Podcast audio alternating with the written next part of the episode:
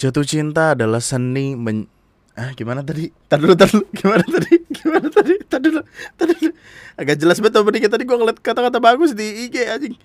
Eh eh, dari Aurora Amanda. Gua gua ngefollow Rahel Amanda kan. Eh ngechat malu nggak ngechat rindu bukan? Oh nih, cinta adalah seni menikmati luka-luka. Gitu maksudnya. Apa sih openingnya random banget anjing. Eh, selamat datang di hari ke-25 kalau gua nggak salah. Hitungannya 25. Oh iya 25. Dari Lunatic Podcast Arcturus untuk menemani malam-malam sunyi yang kalian miliki, yang elu miliki. Tahu gak sih kenapa gue lebih sering nyebut elu gua instead of kalian atau apa? Karena ini gue pengen ngebikin konteksnya tuh kayak one to one gitu loh nggak nggak yang satu sama banyak gitu kayak Hai guys kalian apa kabar? Eh, gitu. Intimate-nya tuh rasanya kurang gitu. Ya meskipun tidak salah untuk melakukan itu tapi untuk gue lebih menikmati obrolan satu dan sat- satu satu satu lawan satu kayak berantem kesannya. Satu dengan satu daripada satu dengan banyak. Ah apa sih Selamat datang di Donati Podcast Terus hari ke-25 di mana tema untuk hari ini adalah sunyi. Sunyi adalah seni untuk mencintai diri sendiri. Uh, Wow, wow, wow, wow. Eh, Kita bakal ngebahas beberapa hal dari sini. Eh, Nama gue Andri dan selamat datang di Lunatic Podcast.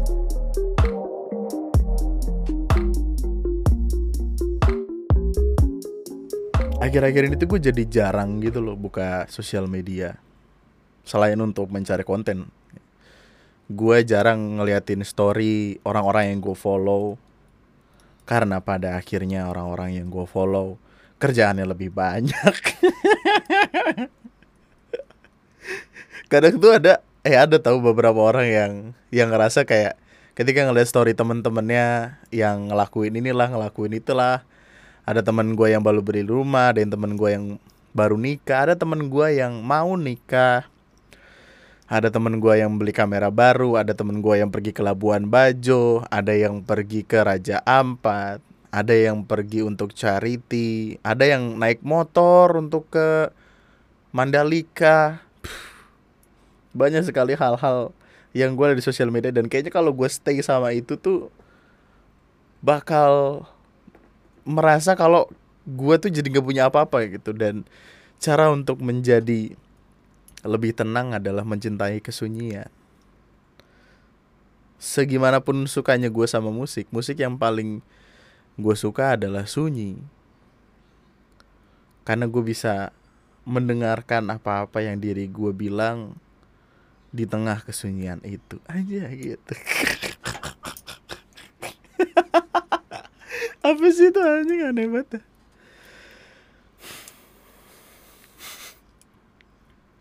Self healing gue tuh gue rasa bukanlah dengan pergi ke tempat-tempat seru meskipun ada sih ada beberapanya. Tapi self healing yang sangat amat gue cintai adalah dengan ya udah diem sunyi kesu penuh kesunyian gitu yang yang nggak ngapa-ngapain yang meskipun berdua ntar sama pacar gue atau sama temen gue eh tunangan deng. Ya gitu nyebut itu tunangan sekarang meskipun sama orang-orang yang gue sayang tetap akan ada masanya di mana gue diem aja terus ngeliatin sekeliling. Jatuh cinta sama dunia sama semesta dengan gue yang diem-diem ada di sana. Tempat yang masih gue sayang sekali untuk berdiam diri itu eh, di Drini. Jadi ha- kemarin. Kemarin gak sih? Kan sekarang selasa. Kemarin. Kan gue ada kelas tuh. Terus ngobrol-ngobrol sama salah satu tutor di sana. Terus dia bilang kalau tiga minggu lalu dia baru dari Jogja. Terus akhirnya gue nginget-inget tuh gue di Jogja ngapain ngobrol-ngobrol tentang Jogja segala macam terus yang gue balik kampung tahun 2018 itu kan gue sendirian kan? Gue sendirian Eh, kemudian di Jogja gue ditemani sama Parhan berangkatnya sendirian tapi di Jogja ditemani sama Parhan terus gue nginep di tempatnya Parhan tapi ada satu tempat yang nyaman sekali untuk dipakai healing. Let's say healing. Gue menyebut itu healing karena ya, ya sendirian. Well nggak sendirian amat sih ada paran tapi gue ngeliatin ombak yang saling bersambutan terus ada suara-suara burung yang ketutupan suara ombak jadi kalau lu ke Drini dari Jogja kota ke Drini itu kayak sekitar 2 sampai 3 jam gitulah karena itu di Gunung Kidul uh, deretan pantainya gitu. Naik motor waktu itu karena ya nggak punya mobil ya, maaf. Terus waktu nyampe eh sebelum sebelum nyampe itu masuk ke wilayahnya tuh kayak bayar 20 ribu atau 25 ribu gitu gue lupa. Terus ke Drininya ngeliatin oh, ngeliatin pantai nah di di pinggiran pantainya itu kayak ada semacam bukit gitu loh kayak cliff kayak gunung kecil yang terbuat dari kayaknya batu-batuan gitu gak sih Oh ada kayak pulau kecil tapi dekat sama pantainya gitu terus bisa naik ke situ bayar kayaknya dua ribu atau lima ribu gue lupa. Atau dua puluh ribu lupa gue tapi di sana tuh kayak sendiri rasanya ya feelnya tuh kayak sendiri tidak ada rasa takut ngeliatin ombak sepi dan pada akhirnya jadi sosok yang mencintai kesunyian. Karena di tengah sunyi kita bisa menemukan diri kita sendiri. Anjay. Kenapa sih gue seru-seruan ngomong anjay? Ada beberapa orang yang butuh ketenangan untuk merecharge dirinya. Nggak semua orang uh, merecharge dengan perlu menghabiskan uang untuk pergi ke ini ke itu ada beberapa orang yang merecharge dirinya dengan ya udah duduk di kamarnya buka-buka IG, buka-buka TikTok. Yang mana gue sarankan jangan ya ketika lu lagi mau healing-healingan atau apalah itu. Healing-healing tai kucing. Tapi ngeliatin IG TikTok orang tuh kayak rasanya lu nggak ada apa-apanya gitu, jangan. Orang yang satu-satunya orang yang yang bisa dibandingkan yang harusnya lu bandingkan dengan diri lu sendiri adalah ya diri lu sendiri gitu. Diri lu di masa lalu. Kecenderungan kita untuk ngelihat story teman-teman terus merasa kita tidak sukses padahal mereka sukses itu tidak nyata men. Mereka memilih momen-momen itu. Tidak semua dalam hidup mereka dimasukkan ke sosial media mereka. Siapa tahu di balik itu semua ada masalah-masalah yang rumit. Kita nggak tahu gue punya beberapa teman yang pada dasarnya tuh uh, kelihatannya sangat amat bahagia di sosial media. Kayak mereka pergi setiap minggu entah ke Bandung, ke Jogja, ke tempat-tempat mahal, ke mall, nonton film segala macam. Tapi ada beberapa orang yang gue kenal ini ngelakuin itu ya sebagai tuntutan pertemanan. Hanya untuk tuntutan pertemanan. Yang katakanlah uh, setelah itu mereka pusing bagaimana caranya menghasilkan uang. Yang setelah itu mereka harus kembali kerja karena mereka sadar uangnya udah kepake ada banyak orang ingin kelihatan keren di sosial media mereka. Citra mereka pengen kelihatan bagus tapi tidak selamanya bagus di dunia nyatanya. Gue tuh lebih suka mengamati sebenarnya daripada ngomong. Karena unsur mengamati itu artinya gue bisa secara diam-diam membuat kesimpulan di kepala terus ya nganggapnya mereka tidak sehebat itu juga gitu. Kita terlalu terpaku sama wah di orang hidupnya pasti bahagia dengan apa-apa yang dia punya. Kalau lu coba sebentar gitu buat berusaha memahami sekiranya orang ini punya masalah apa ya dalam hidupnya pasti banyak ya masalah dalam hidup. Dan daripada untuk melakukan eh daripada melakukan itu lebih baik menyendiri menyunyikan menyunyikan. Menyunyikan. Lucu sih. Mensunyikan. Nggak bagus sih. Menjadi bertemanlah dengan sunyi karena di tengah sunyi itu semua apa yang lu cari ternyata ada di sana. Terlalu banyak dari kita yang mencintai hiruk pikuk kota. Tapi ternyata hiruk pikuknya justru ngebikin kita capek terlalu nyari pengakuan di sosial media Hah, padahal nggak ada habisnya. Habis nggak sih lu? Enggak kan?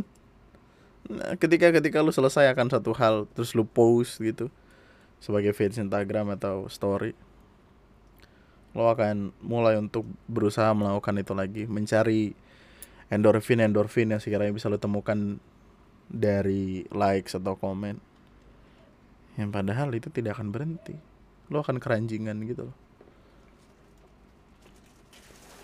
Atau ya emang pada dasarnya lu salty aja sama hidup dan lu nggak bisa jadi kayak teman-teman lu kemudian lu ngebikin podcast.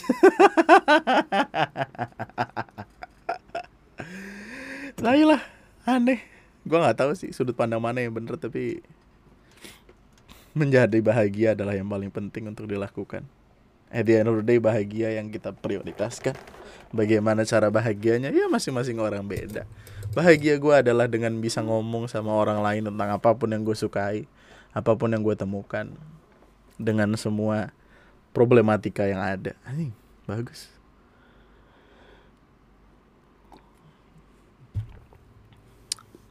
Gue bak gue bakal bacain ininya dulu deh tulisannya dulu. Bentar sebat dulu. Sebat sebat but sebat but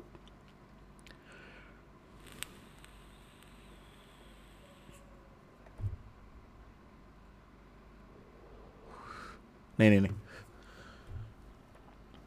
Aku sedang ada di fase di mana kesunyian sudah menelanku bulat-bulat. Beberapa hari ke belakang, bosan yang aku rasakan lebih dalam menancapkan tajamnya. Jadi, aku ingin bercerita untuk sedikit menghilangkan perih yang ada. Ceritaku ini sebenarnya rahasia. Tapi tak apalah, aku ingin kamu mendengarnya. Kita teman kan, ya. Biarkan aku memulainya dengan sedikit penjelasan. Aku terlahir dari keluarga yang cukup rumit. Ayah dan ibuku sudah pernah saling menikah sebelum mereka bertemu.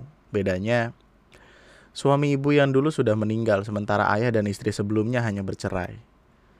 Setelah itu ayah dan ibuku bertemu, lalu mereka menikah. Masa kecilku sebenarnya biasa-biasa saja, tak ada yang menarik. Sampai akhirnya istri ayah yang sebelumnya kembali datang, istri ayah yang sebelumnya kembali datang dan merusuh di hubungan kedua orang tuaku. Bahkan istri ayahku yang dulu sempat membawaku pergi dari rumah dan memberikan sayatan-sayatan pada lengan dan kakiku. Entah apa alasan yang membuat dia melakukannya. Mungkin patah dan sakitnya ditinggal lelaki demi wanita lain sudah sukses membuatnya gila.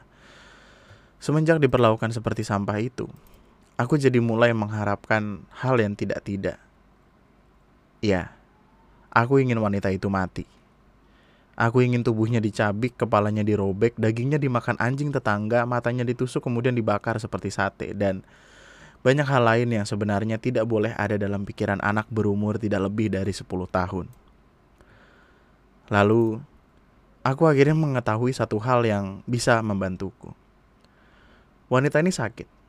Jadi, jadi dia memiliki penyakit TBC akut yang bisa dengan mudah mencabut nyawanya kalau-kalau ia memakan atau meminum sesuatu yang tidak boleh masuk ke tubuhnya.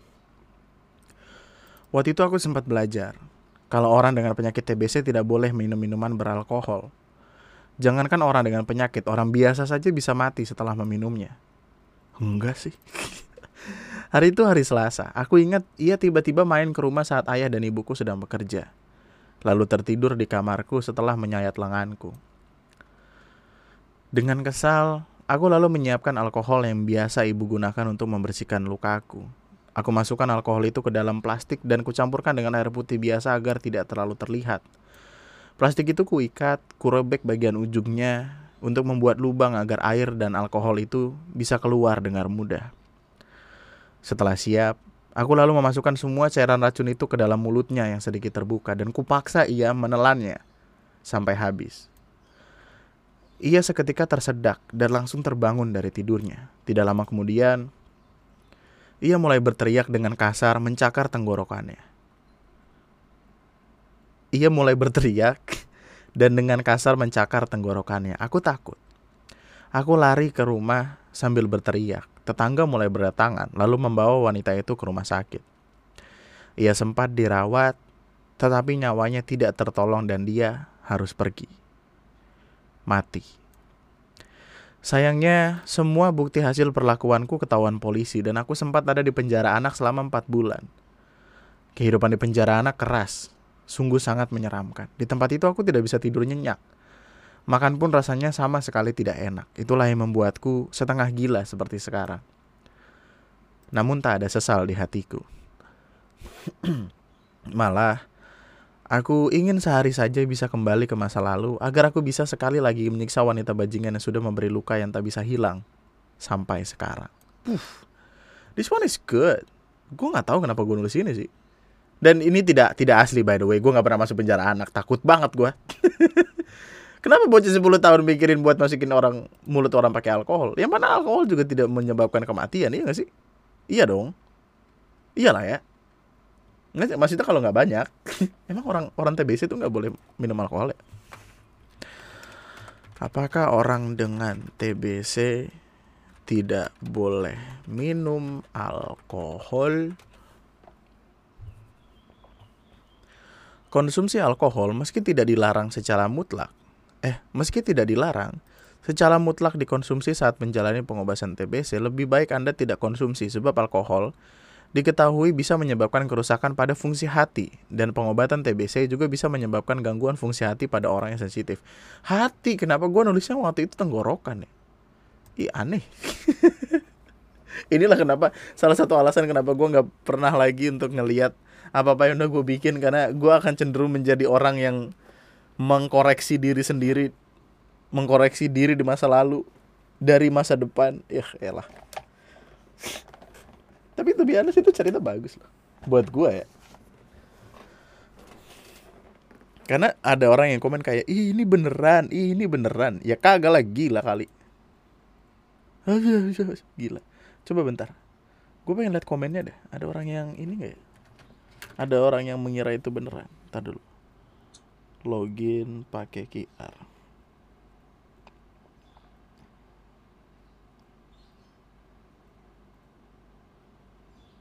uh, bentar bentar. Adik gue tadi ngecat aja ini baru bangun. Sian kakinya luka.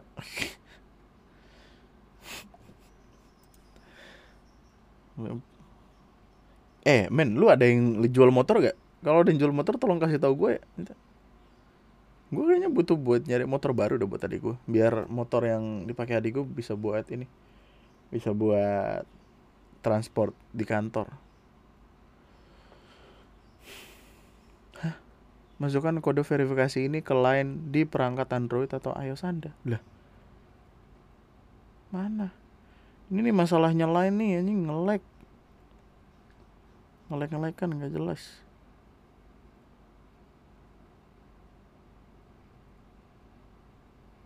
Ini kenapa bocah-bocah tahun 2001 ngechat gua di line?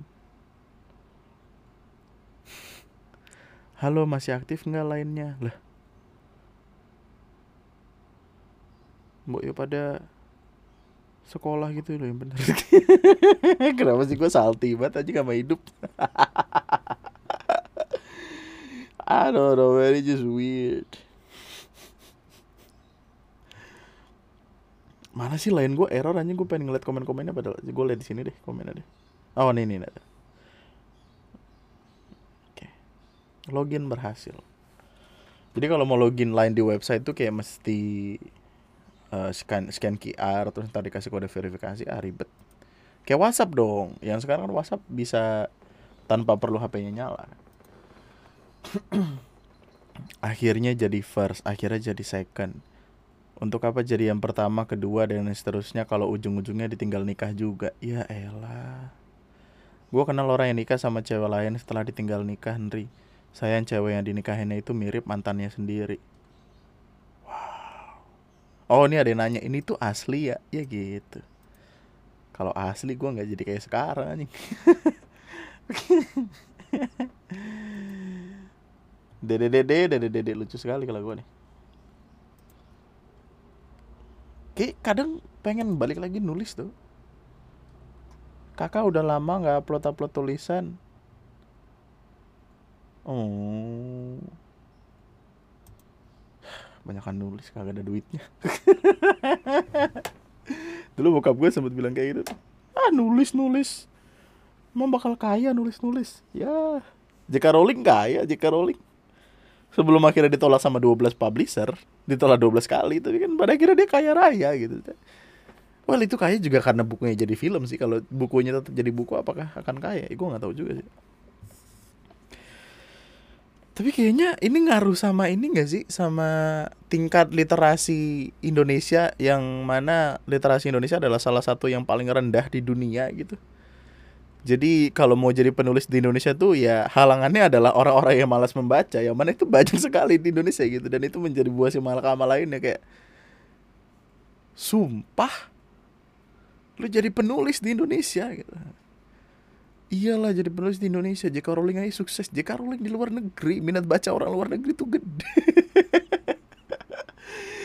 ya ampun. Kita tuh rajin membaca, tapi bacanya tuh baca postingan-postingan di Twitter, komen-komen Instagram, komen-komen TikTok, atau kita ngebaca video tips and trick di TikTok yang isinya sambil joget, aneh banget aneh. Gue gak bilang itu salah, info adalah info, uh, trivia adalah trivia. Ketika itu bisa membantu orang lain itu menyenangkan, tapi ketika infonya lo berikan sambil joget-joget, gue masih nggak masuk gitu maksudnya.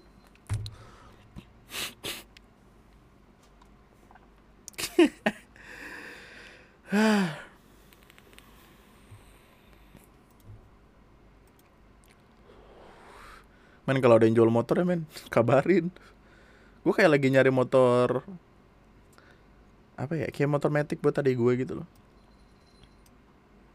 Gila pengeluaran gue bulan ini banyak. HP gue Eh HP adik gue rusak. TV gue rusak. Ada yang tahu service center Kuka gak? Gue kayaknya selalu minta tolong di podcast dah. Ada yang tahu service center Kuka gak? Udah jangan dekat. Bisa dipanggil gak ke rumah nih? TV gue rusak nih Gitu BTW uh, eh, iya yeah. HP adik gue rusak, TV rusak, motor rusak. Gue pengen pergi lima hari nanti. Jadi nanti ada masanya lima hari gue nggak, aduh no gue nggak ngupload. Tapi kayaknya bisa deh. Jadi gue record di tempat gue pergi kemudian uh, window yang editin kayak bisa sih. Harusnya bisa sih. ada yang jual motor gak? Satu. Ada yang tahu service center kuka gak? TV gue rusak tuh di rumah. Smart TV tapi nggak smart banget kesambar geledek. Rusak aja kalau smart tuh ada geledek dia nunduk gitu. Eh lah sambar geledek rusak.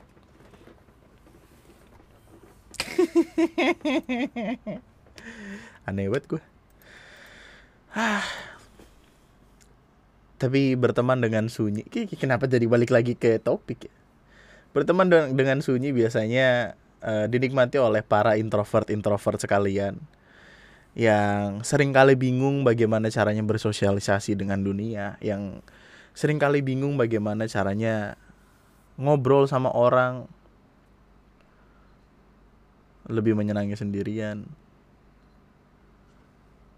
yang kadang menjadi menjadi buah si malakama lainnya menjadi problematika lainnya ketika kita sering di rumah. Terus kemudian orang tua kita nyuruh kita di rumah mulu keluar napa sono? Main kayak sama orang sama temen bla dulu aja waktu kecil diomelin mulu gara-gara sering main gitu. Kadang mak kita tuh membingungkan ya gak sih? Kayak waktu kecil kita disuruh pulang suruh tidur siang suruh mandi nggak boleh sering-sering main nanti hitam. Giliran gede disuruh main mulu. Well nggak nggak semuanya sih nggak semuanya karena ada beberapa orang yang tetap tidak diperbolehkan untuk keluar rumah. Selalu harus di rumah mulu. Berbakti kepada orang tua atau mungkin ada trauma dari orang tua yang pada akhirnya tidak ingin anaknya merasakan hal yang sama mungkin kita nggak tahu juga. Ya bagaimana pengalaman lu sama Sunyi? Sebagai orang yang ngedengerin podcast gue yakin lu penuh kesendirian hidup lu. Gue yakin lu mencari ketenangan dengan diem di pojokan dengerin podcast satu orang yang nggak jelas juntrungannya ke mana ngejokes nggak kena ketawa-tawa nggak jelas bacain tulisan dari zaman jebot. Gue kalau disuruh nulis lagi gue nggak tahu gue apakah bisa sama kayak dulu atau enggak tapi akan gue coba karena respect respect